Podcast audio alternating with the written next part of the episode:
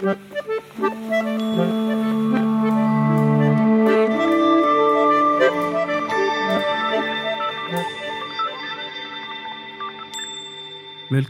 til podkasten Ytringsklima. Her snakker vi om hvordan folk snakker sammen på jobb. Jeg heter Øyvind Kvalnes, jeg er filosof og jobber ved Handelshøyskolen BI. Og gjest i dag, det er Susann Gjerde, som er førsteamanuensis ved Handelshøyskolen ved Universitetet i Sørøst-Norge. Velkommen i studio, Susann. Tusen takk. Eh, du har nylig gitt ut en spennende bok som heter Ledere og ledelse i utvikling. Mm. Og jeg vet at her på huset så er det flere som leser i den for tiden, og har tenkt å putte den inn på pensum på sine fag. Mm. Det er en veldig rik og spennende bok om ledelse, som du har mye erfaring med. Og jeg har invitert deg fordi jeg også finner spennende tanker der om ytringsklima, om hvordan mennesker snakker sammen. Ja. Så det er det vi skal uh, grave litt i. Um, hva slags første tanker har du om koblingen mellom ledelse på den ene siden og ytringsklima på den andre? Mm. første tanke Det er så uendelighet med tanker man kan uh, danne seg. Ja. Hvor begynner jeg? Uh, jeg vil vel kanskje si at um, vi tror vi alle sammen har en sånn slags felles forståelse for hva ledelse er. Ja. Og det viser seg jo ikke stemme.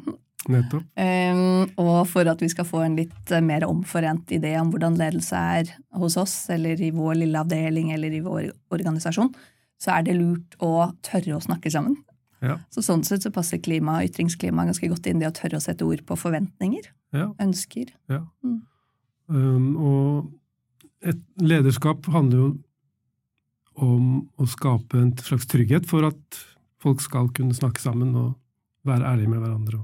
Absolutt. Det kan være en viktig del av det hele. Helt ja, klart. Ja. Uh, jeg har lyst til å starte med uh, begrepet taushetsmysteriet, som jeg har, har, lekt med, med, og som jeg vet at du også har uh, lest en del om. og taushetsmysteriet er jo det at folk kan ha noe viktig å si på jobb, og de har muligheten til å si det, men likevel så holder de seg tause. Og det kan noen ganger være et mysterium. Ja, sant. Så um, Og når jeg uh, snakker om dette i ulike sammenhenger, så pleier jeg å starte med en kort historie. Ja. Uh, og den fikk jeg fortalt av uh, en kollega som i likhet med meg, ofte står i auditoriet og underviser. Og hun fortalte meg at hun som vanlig hadde hun med seg vannflaska si, med logoen til skolen på alt mulig, og den plasserte hun på første rad. Uh, og innimellom, mens hun snakket, så tok hun seg noen slurker med vann, og så gikk hun litt fram og tilbake, og så kom hun tilbake og tok seg nye slurker med vann. Og da forelesningen var slutt, så tok hun med seg flaska si og gikk ut på gangen og bort til eh, kontoret sitt. Og der sto flaska hennes! Så hun hadde rett og slett forsynt seg av en skrekkslagen students vann og flaske gjennom hele forelesningen sin. Og øh, hun undret seg jo etterpå over hvorfor sa ikke studenten fra til meg om dette. Mm, sant. Så den slags situasjoner kan vi jo ha på jobb. ikke sant? At mm. uh, det skjer noe, og du har muligheten til å si fra om det, men så holder folk igjen. Mm. Uh, hva tror du kan være årsaker til det? Det er jo mange forskjellige årsaker, selvfølgelig, ja. men hvis vi skal grave litt i det, hva, hva, kan være årsakene, sånn som du ser det? Um, jeg forsker jo på identitet, blant ja. annet. Um, og derfor er jeg veldig interessert i det som foregår inni folk. Sånn, eh, og identitet, enkelt fortalt, er jo da historiene vi forteller oss selv og andre om hvem vi er.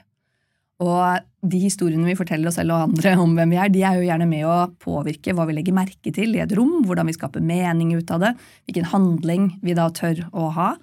Um, og um, de ideene da, om eh, hvordan, eh, ja, hvordan, vi ønsker å framstå, eller hva vi er redd for å framstå som, vil jo da påvirke.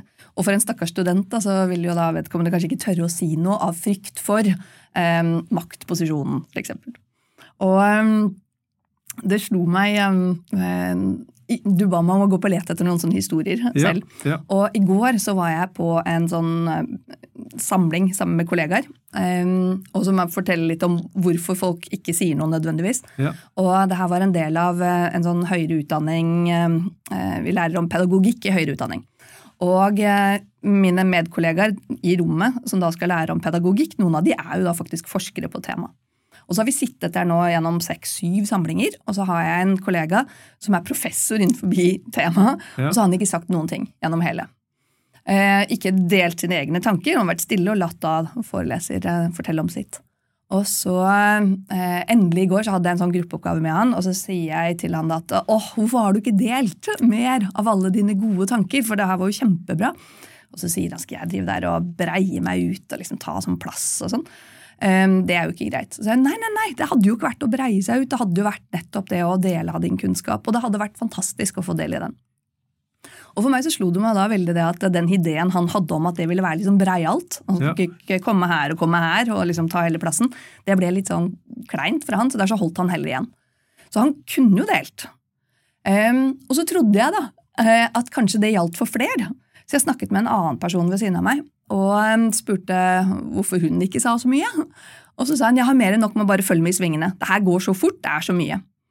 Og det slo, da, slo meg da at eh, her har vi både noen sånne ideer om hvem er jeg, som holder igjen, eh, sånn som han første, men det andre er også denne med at noen ganger driver vi rett og slett og holder igjen fordi vi bare har mer enn nok med å følge med. Så tilbake til studenten da, med den Ja. vannflaska. Kanskje vedkommende enten tenkte her skal ikke jeg utfordre, eller kanskje vedkommende tenkte det at eh, jeg har mer enn nok å følge med på det som blir sagt. Ja. Så det er jo mange ting som kan være med å spille inn. da, nettopp.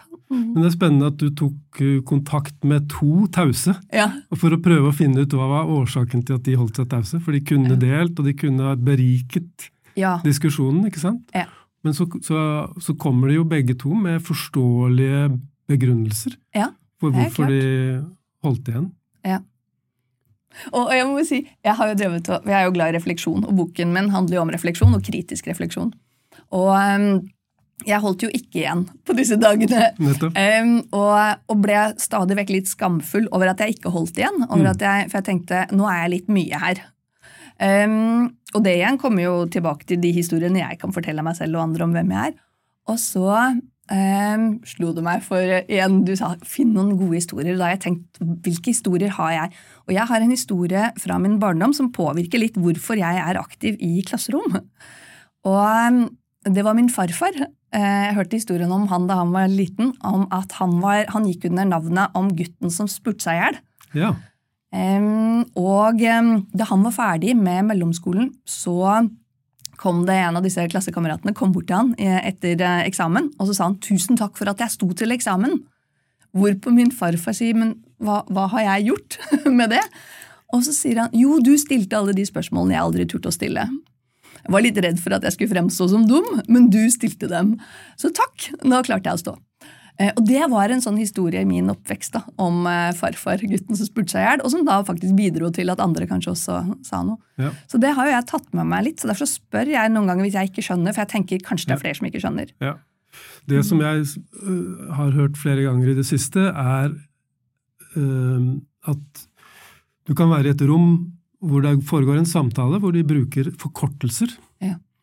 Eh, De, de bruker forkortelsen ABM, for Ja. eksempel. Og så er det egentlig en god del folk rundt bordet som ikke husker lenger hva den forkortelsen står for. Mm.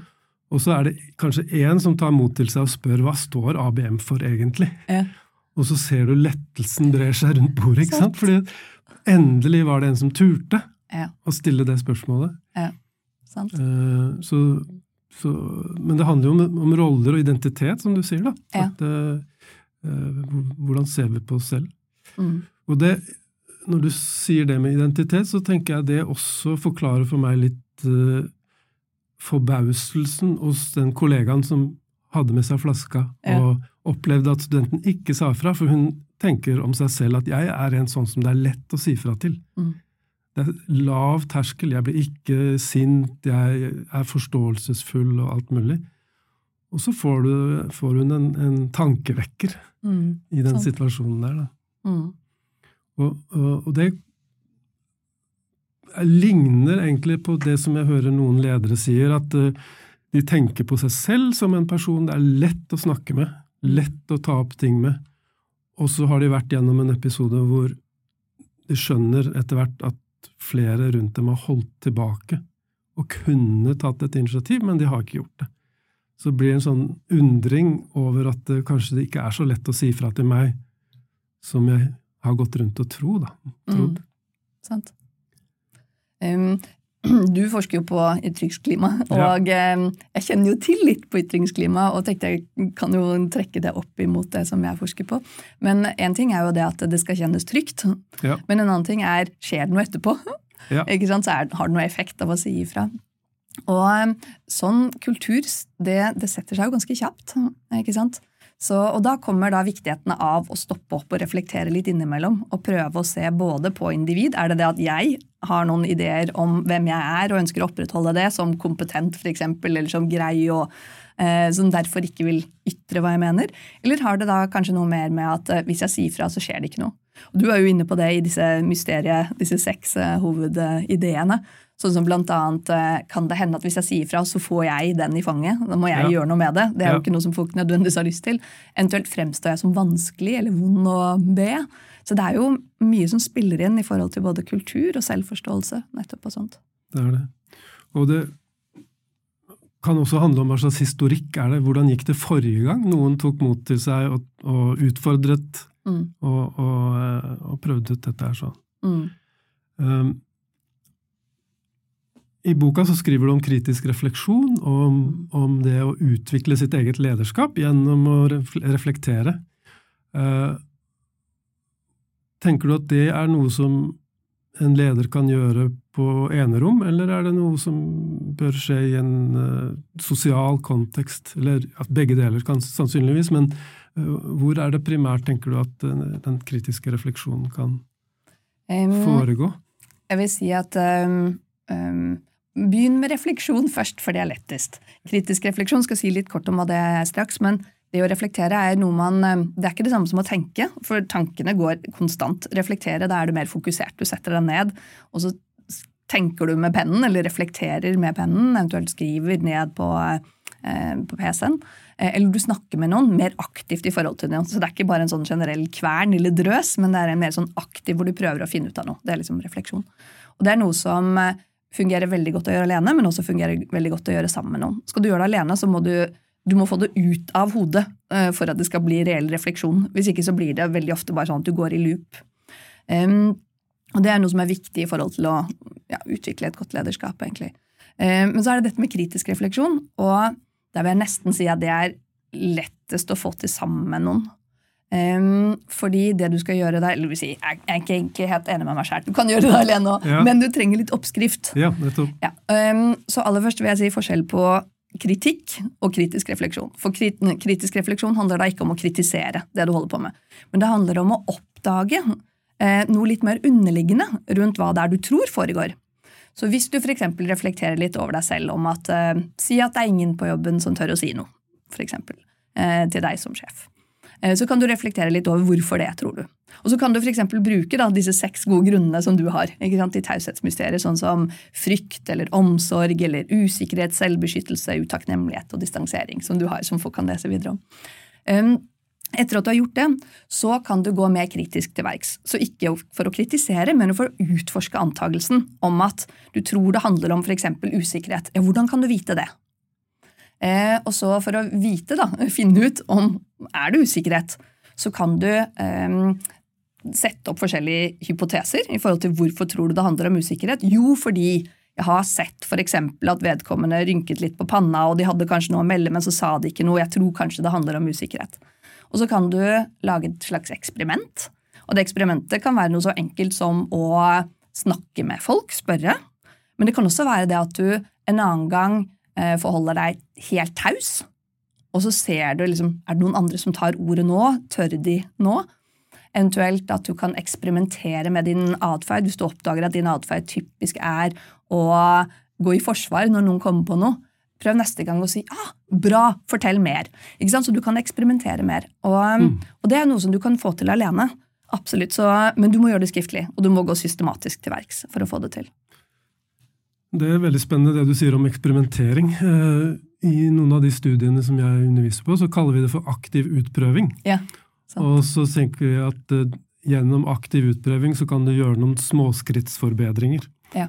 Hvis du vil bidra til at det skal bli lettere for folk å ta ordet, så kan du tenke Skjer det noe hvis vi gjør sånn istedenfor sånn? Og teste ut veldig, eh, kanskje små endringer som kan ha stor, stor virkning.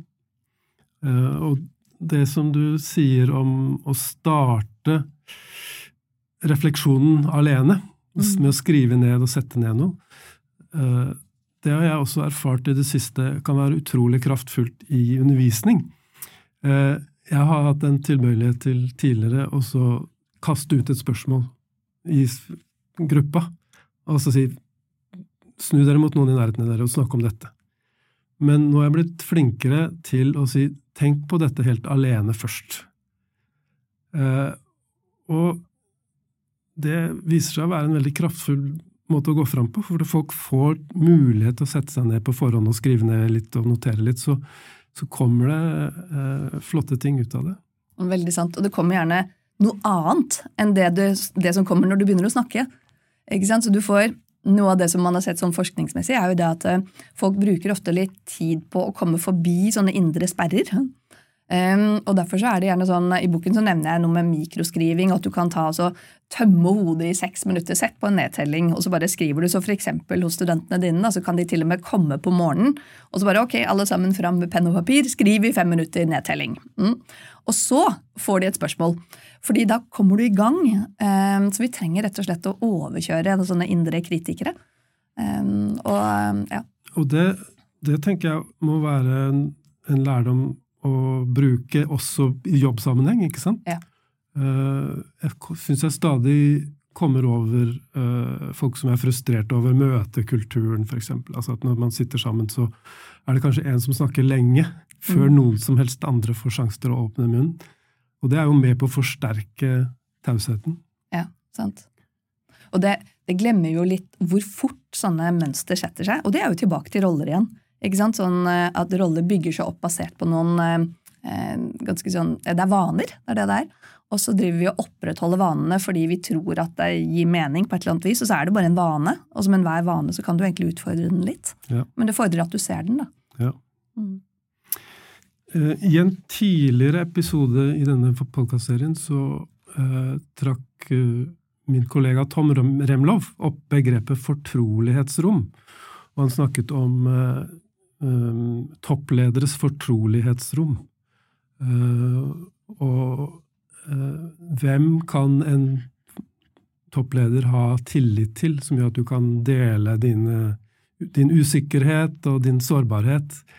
Uh, og det tenker jeg også hører hjemme i det bildet her. og jeg syns jo fortrolighetsrom er et utrolig vakkert begrep, som mm. setter i gang mange tanker. Sant. hva slags refleksjoner gjør du når du hører det begrepet? Fortrolighetsrom? Er det lett å kjenne seg igjen i, tenker du? Eller hva, hva mm. tenker du?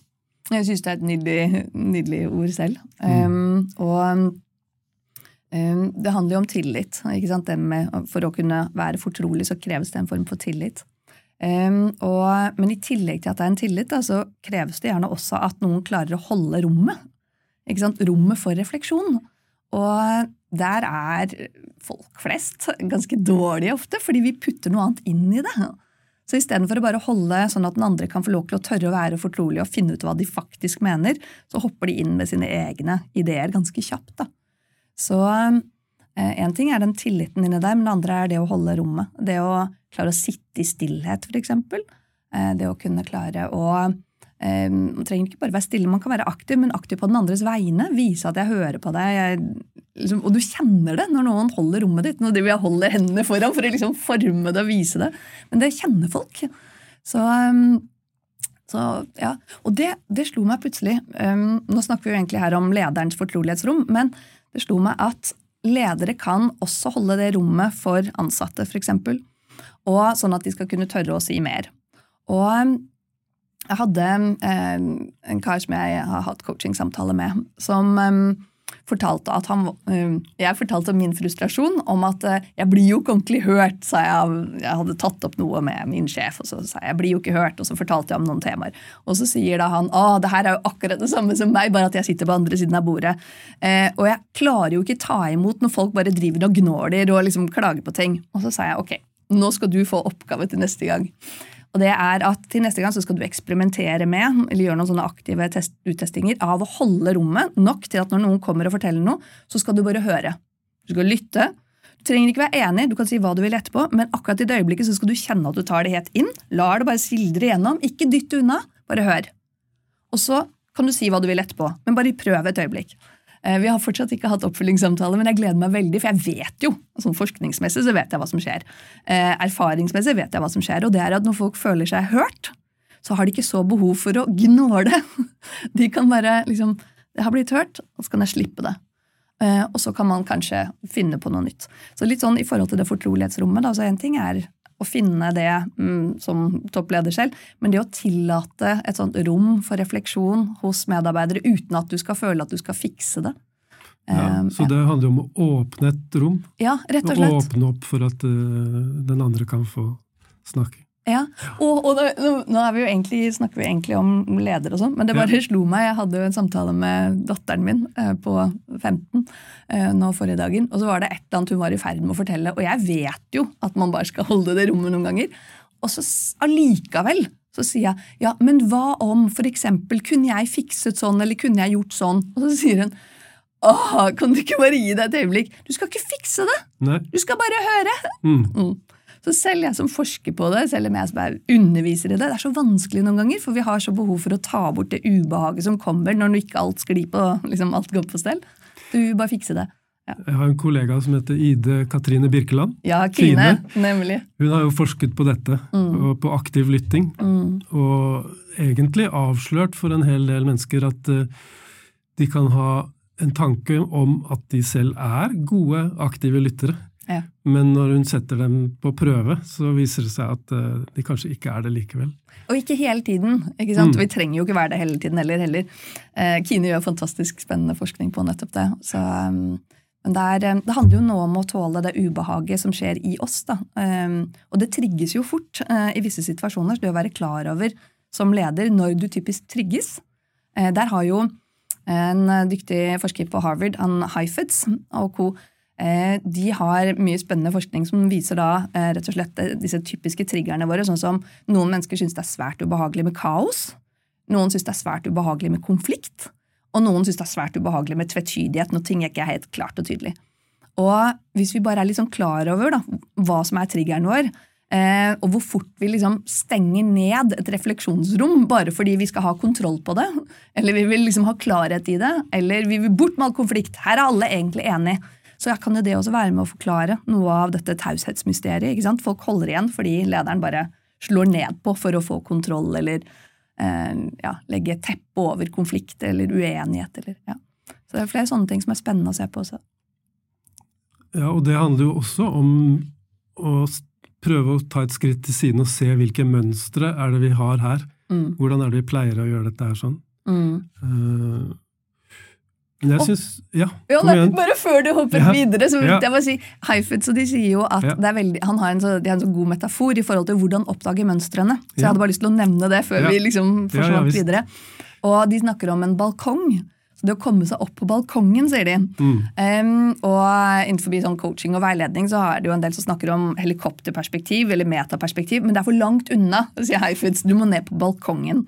Og hvis du ser for deg et diskotek, og så ser du for deg at til hverdags så er vi liksom nedpå dette diskoteket og er i det operative. Eh, men hvis du klarer deg innimellom å komme deg opp på balkongen, som er rett over diskoteket, eh, og ser ned, så kan du da noen ganger se deg selv litt sånn utenifra, hva som foregår. Der ovenfra balkongen kan du også se hvor aktivitetene foregår. Og om det kanskje bare er aktivitet rett rundt deg, og så er det helt stille i hele resten av avdelingen og organisasjonen. Så det er noen sånne fine metaforer som man kan leke litt med i forhold til å få nok avstand til å oppdage disse ja, vanene. Mm. Dette er jo også eh, gammelt uh, sokratisk uh, Ja. stoff, ikke sant? At Sant. noe av det Sokrates inviterte til, var samtaler for å eh, At folk skulle kunne se mønstrene og vanene i sitt eget liv, og tenke ut er det slik jeg ønsker å fortsette å leve, Mm. eller fins det noen andre måter å gjøre ting på? Ja. Så um, der ligger det muligheter. Men um, et begrep som jeg tenker er sentralt rundt dette med fortrolighetsrom, det er jo dette med tillit. da. Ja. Å ha tillit til en annen person, fordi når du åpner deg opp i fortrolighet til en annen, så, har du, så blottstiller du deg selv, og du gjør deg selv eh, sårbar, på et sett og vis. Mm. Og, og det Tom Remlov sier i den eh, episoden, er jo at en toppleder har egentlig ingen Mm. som eh, fortjener den tilliten, eller som, som kan også, Han snakker også om at det er en belastning. Jeg vil ikke belaste andre med, Mm. med denne, dette. Men du har jo erfaring i å jobbe som coach, Yeah.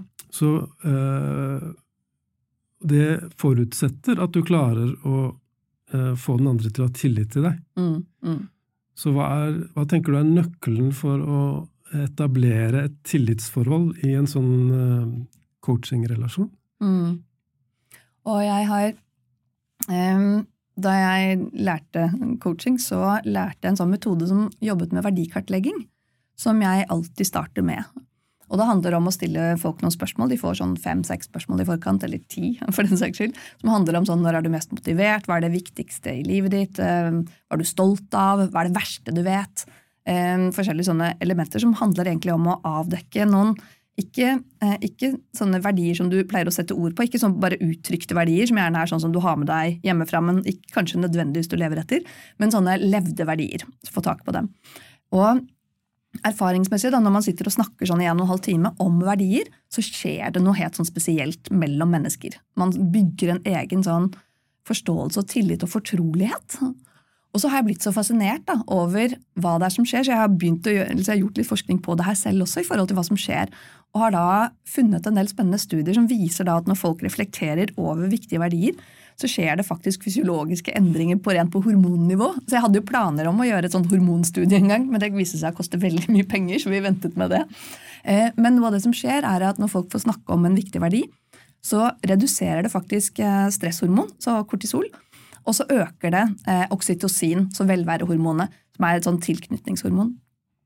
Så ved å rett og slett snakke om verdier, så, så trigges da disse positive sånn tilknytningshormonene, de Mm. bruser, samtidig som stresset går ned. Så jeg har faktisk veldig god erfaring med nettopp sånn verdirefleksjon. Men jeg tenker meg, hvis, hvis jeg møter deg for første gang, og Mm. Ja. du skal være coach for meg, Ja. så hvis jeg da ikke kjenner deg fra før, Mm. eh, og jeg vet ikke hvem, hvem du egentlig er, og hva du vil gjøre med Mm.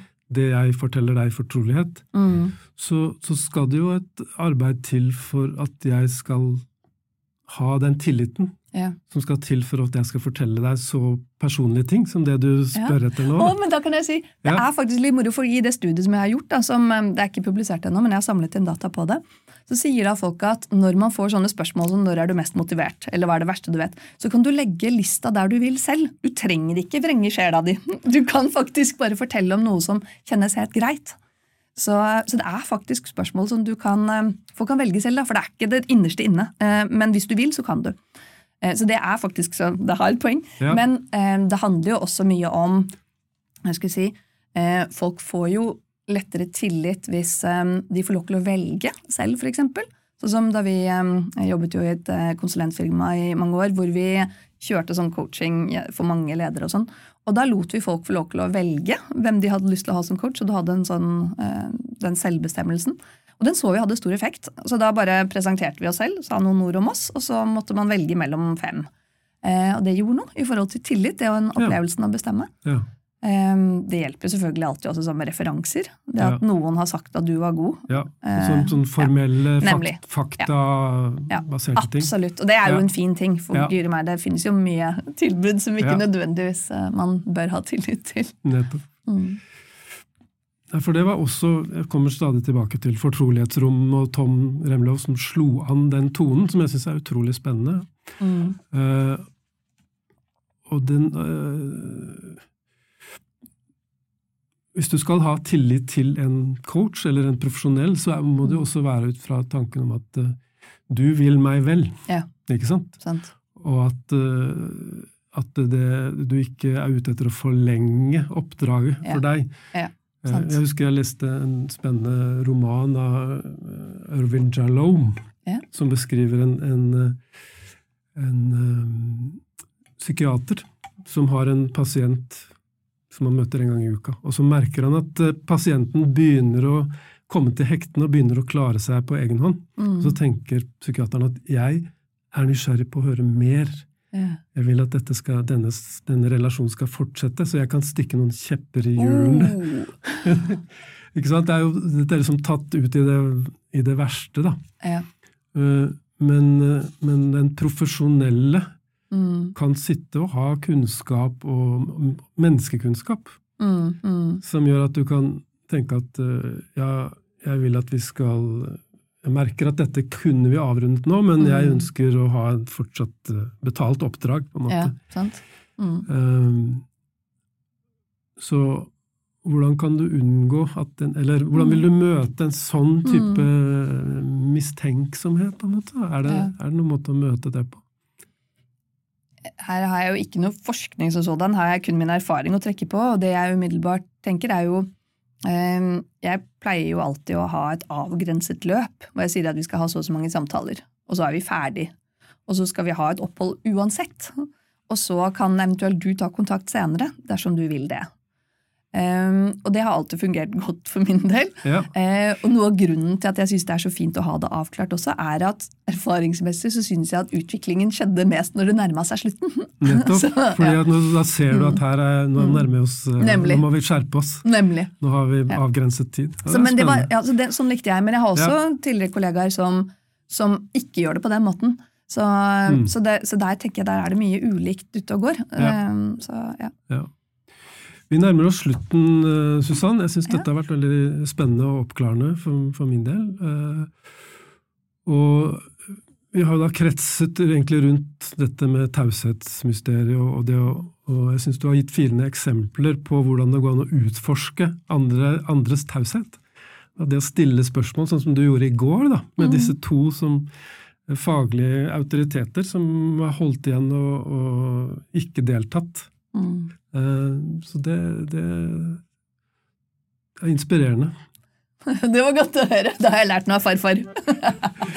ja. Så stor takk til farfar, Ja. sier vi også, og stor takk til deg for at du tok deg tid til å være med på dette.